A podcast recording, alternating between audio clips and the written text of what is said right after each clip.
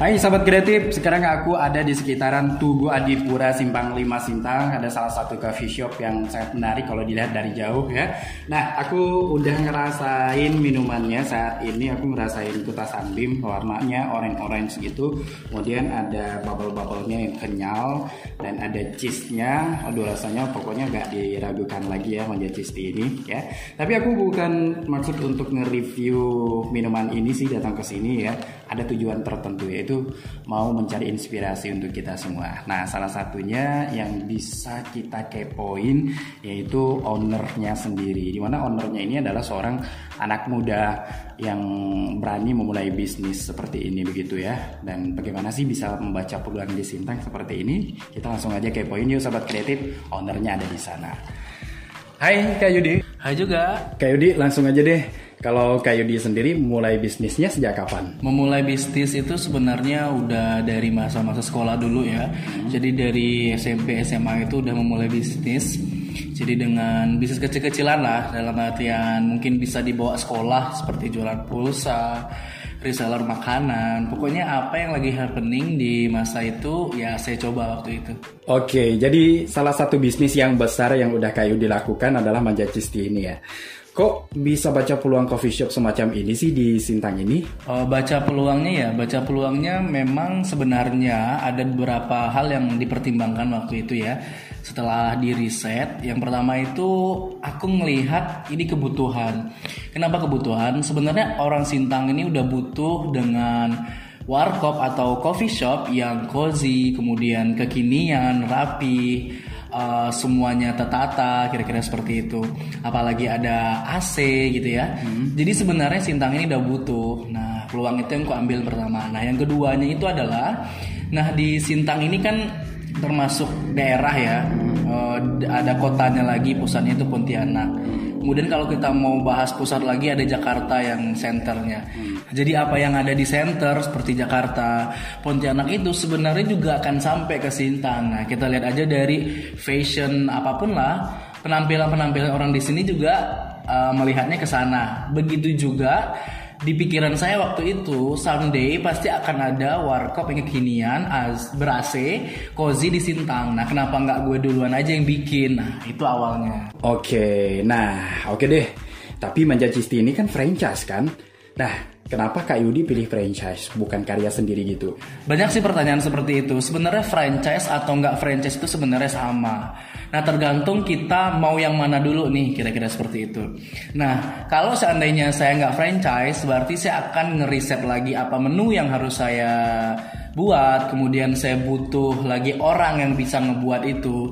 Nah secara nih basic saya ini bukan orang yang fokus di makanan ngebuat makanan itu saya bisa bilang nggak bisa.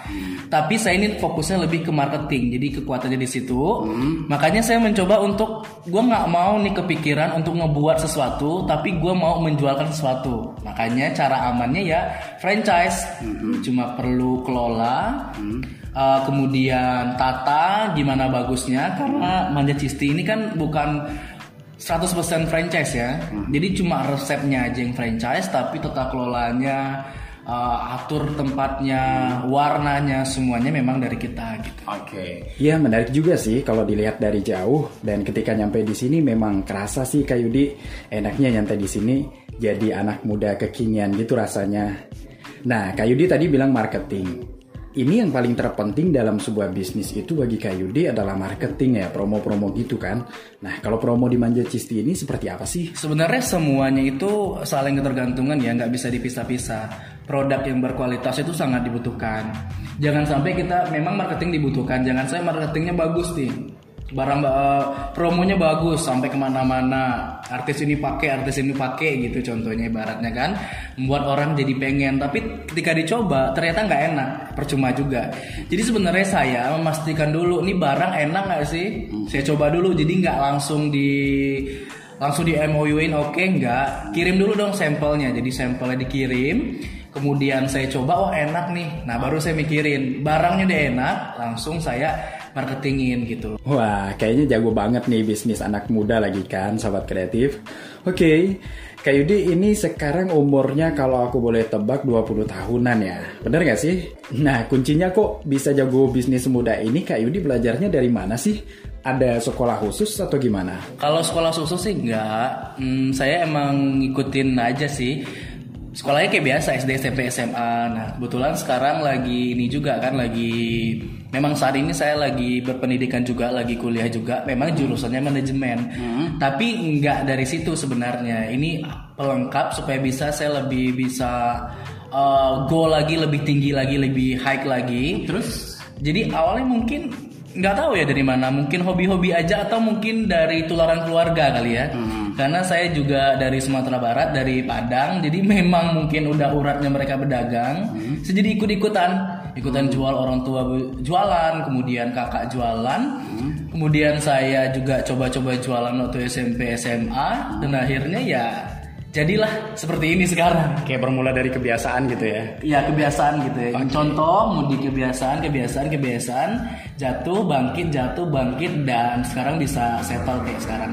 Oke, satu yang terakhir deh Kak Yudi, Eh, mungkin pesan-pesannya buat sahabat kreatif di luar sana yang masih muda, yang masih mungkin kayak katak dalam tempurung lah ya, belum berani untuk memulai bisnis. Pesannya kayak kayak gimana Kak Yudi? Buat anak muda ya. Kalau buat anak muda sih kalau saya sih dulu awal-awal itu saya ada mendengar pepatah Arab yang mengatakan kira-kira seperti ini. Laisal fataman yadai bisalifat innamal fataman kola ana. Nah kira-kira artinya seperti ini. Bukanlah seorang anak muda namanya yang hanya membangga-banggakan atau mengagungkan harta kedua orang tuanya. Tapi seorang anak muda itu adalah saya dan Anda yang mampu mengangkat harkat dan martabat orang tua Anda dengan hasil kerja Anda sendiri. Nah dari situ mulainya. Jadi saya mulai mikir nih saya muda nih harus sukses nih. Hidup ini cuma sekali jadi harus spektakuler. Nah dari situ berangkat mulai coba, mulai coba, mulai coba dan jadilah. Jadi buat kamu nih yang masih muda nih jangan takut. Jangan takut gagal, mulailah mencoba. Walaupun kamu belum bisa invest uh, miliaran, minimal jutaan dulu deh, atau ratusan dulu deh.